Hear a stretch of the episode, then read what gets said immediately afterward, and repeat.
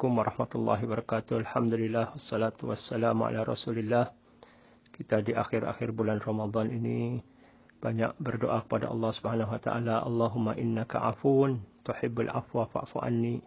Ya Allah, sesungguhnya Engkau Maha Pemaaf, mencintai, memaafkan. Maka maafkanlah aku. Kita selalu mohon pada Allah agar Allah mengampuni dosa-dosa kita dan semoga juga uh, kita memiliki sifat pemaaf yang suka memaafkan kesalahan orang lain, tidak mendendam apa pun secara pribadi apabila kita disakiti oleh sahabat kita, saudara kita atau siapa pun uh, termasuk keluarga misalnya, maka kita banyak memaafkan dan berusaha terus tidak putus asa berdoa. Kemudian ada uh, rekaman suara yang saya nukilkan ya, yang pertama dari ucapan Syekh Muhammad bin Saleh Al-Utsaimin rahimahullah dari kitab Syarah Riyadhus Salihin yang mau menjelaskan bahwasanya eh, kapan memaafkan itu lebih baik dan kapan tidak memaafkan kesalahan orang lain. Juga nanti ada penjelasan dari Syekh Muhammad Nasiruddin Al-Albani rahimahullah eh, juga demikian tentang masalah yang sama. Semoga bermanfaat untuk Sebagai seorang semua. muslim kita harus bisa memaafkan dan melupakan kesalahan orang lain. Tidak selalu mengungkit-ungkit kesalahannya, apalagi menyebut-nyebutnya di depan orang. Siapa pun orangnya, apakah istri, anak kita, atau lainnya, mereka pasti merasa tidak senang jika diungkit-ungkit atau diingat-ingat terus kesalahannya. Allah Subhanahu wa taala berfirman dalam Al-Qur'an itu di surat Asy-Syura ayat 39 sampai 43.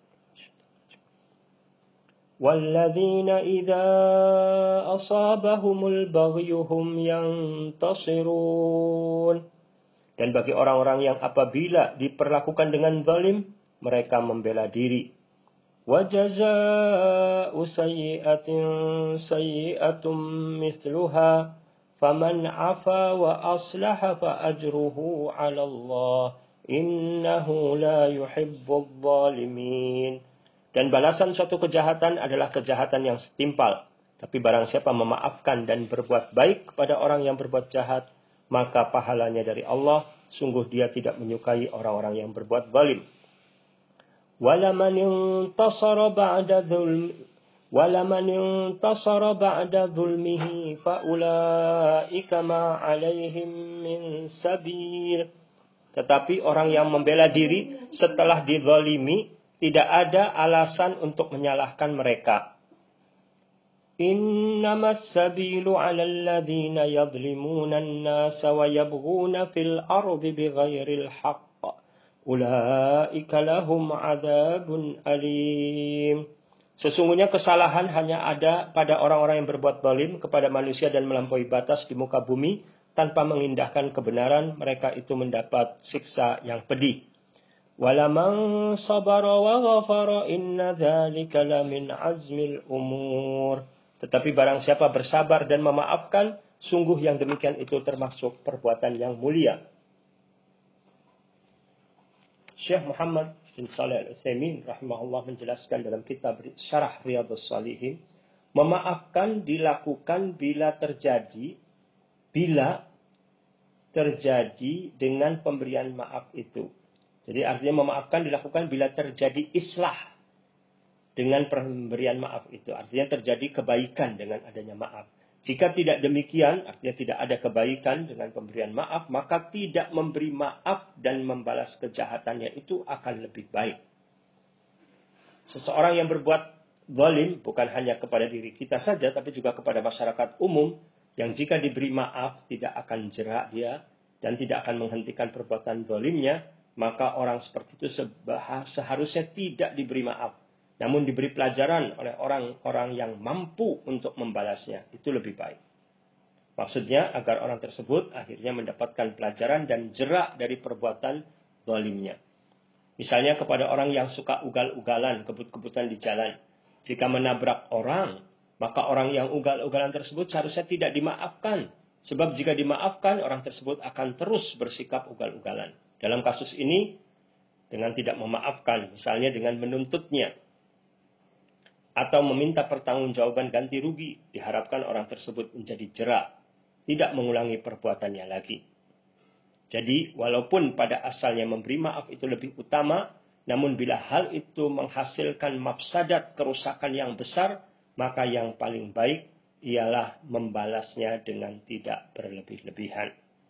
Dinukil dari kitab Adab Bergaul agar dicintai Allah kemudian dicintai manusia halaman 69 sampai 71. Syekh Muhammad Nasiruddin Al-Albani rahimahullah berkata, Menurut keyakinan saya, orang-orang zalim itu tidak ada manfaatnya bagi mereka kalau disikapi dengan maaf dan lemah lembut.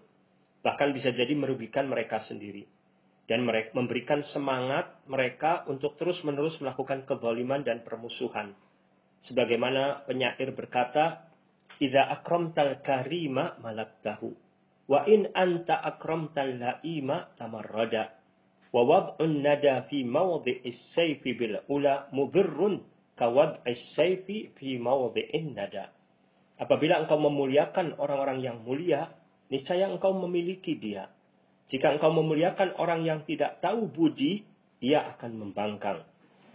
Menempatkan kemurahan hati yang penuh dengan keluhuran pada tempat yang seharusnya digunakan pedang, itu akan merugikan sebagaimana menempatkan pedang pada tempat yang seharusnya digunakan kemurahan hati dan kelembutan hati.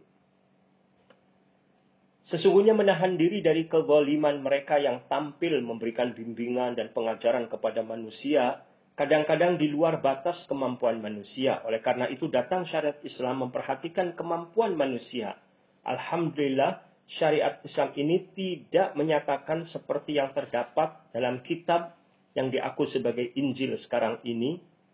Barang siapa yang menampar pipi kananmu, maka berilah pipi kirimu.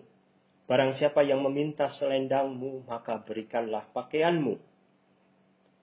Bahkan Allah Ta'ala berfirman, فَمَنْ اعْتَدَى عَلَيْكُمْ فَاعْتَدُوا عَلَيْهِ بِمِثْلِ مَا اعْتَدَى عَلَيْكُمْ Surat Al-Baqarah ayat 194.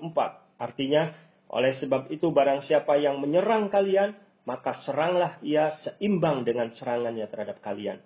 Allah juga berfirman, وَجَزَاءُ سَيِّئَةٍ سَيِّئَةٌ مِثْلُهَا Dan balasan suatu kejahatan adalah kejahatan yang serupa surat Asy-Syura ayat 40. Dan saya ingat dengan karunia Allah Ta'ala bahwa kelanjutan ayat ini adalah فَمَنْ عَفَى وَأَصْلَحَ فَأَجْرُهُ عَلَى اللَّهِ إِنَّهُ لَا يُحِبُّ الظَّالِمِينَ وَلَمَنِ انْتَصَرَ بَعْدَ ظُلْمِهِ فَأُولَئِكَ مَا عَلَيْهِمْ مِنْ سَبِيلٍ إنما السبيل على الذين يظلمون الناس ويبغون في الأرض بغير الحق أولئك لهم عذاب أليم ولمن صبر وغفر إن ذلك لمن عزم الأمور Artinya, maka barang siapa memaafkan dan berbuat baik, maka pahalanya atas tanggungan Allah. Sesungguhnya dia tidak menyukai orang-orang yang zalim. Dan sesungguhnya orang-orang yang membela diri sesudah teraniaya, tidak ada satu dosa pun atas mereka. Sesungguhnya dosa itu atas orang-orang yang berbuat zalim kepada manusia dan melampaui batas di muka bumi tanpa hak. Mereka itu mendapat azab yang pedih. Tetapi orang-orang yang bersabar dan memaafkan, sesungguhnya perbuatan yang demikian itu termasuk hal-hal yang diutamakan. Surat Ash-Shura ayat 40-43. Kemudian Syekh Al-Albani rahimahullah melanjutkan, tetapi saya meyakini bahwa sikap memaafkan yang terpuji dan sabar yang akan mendapatkan ganjaran itu berlaku apabila besar kemungkinan sikap tersebut bermanfaat bagi orang yang zalim dan tidak merugikannya. Menjadikan orang yang sabar itu mulia dan tidak menjadikannya hina. Sebagaimana ditunjukkan oleh praktek kehidupan Nabi Shallallahu Alaihi Wasallam bersama musuh-musuhnya dan sabda Nabi Shallallahu Alaihi Wasallam, "Asyadun nasi adaban yaumal qiyamah rajulun qatala nabiyan au qatalahu nabiyun. Seberat-berat manusia dalam hal adab di hari kiamat, seorang yang membunuh nabi dan seorang yang dibunuh oleh nabi. Silsilah ahadis sahihah nomor 281. apa yang dipetik dari ayat tadi dan yang semisalnya minimal bahwa ayat tersebut membolehkan bagi pihak yang dizolimi untuk membela dirinya dengan benar tanpa melampaui batas dan tanpa diiringi dengan kezaliman. Sebagaimana Allah berfirman, La yuhibbullahu al-jahra bisu'i minal qawli illa man zulim wa kana Allahu sami'an alima. Allah tidak akan menyuk Allah tidak menyukai ucapan buruk yang diucapkan dengan terus terang kecuali oleh orang yang dizalimi Allah adalah maha mendengar, maha mengetahui. Surat An-Nisa ayat 148. Dan sunnah Nabi SAW menegaskan dan menjelaskan yang demikian itu. Seperti ucapan Nabi SAW kepada Aisyah radhiyallahu anha ketika salah satu anggota keluarganya berbuat balim kepadanya, belalah dirimu. Aisyah berkata, maka aku mendatanginya, sehingga aku melihatnya telah kering air liur di mulutnya ia tidak membantahku sedikit pun. Maka kulihat wajah Nabi SAW berseri-seri. Hadis riwayat Al-Bukhari dalam kitab Al-Adabul Mufrad dan lainnya dengan sanad yang sahih dan telah ditakhrij dalam kitab silsilah hadis sahihah juz 4 nomor 1862. Ya. Ucapan Syekh Al-Bani rahimahullah dari awal tadi sampai akhir itu dinukil dari mukaddimah silsilah hadis dhaifah jilid pertama halaman 27 sampai 29 yang diterjemahkan kemudian dimuat dalam buku fikih nasihat atau tapat memberi nasihat dari halaman 209 sampai 213.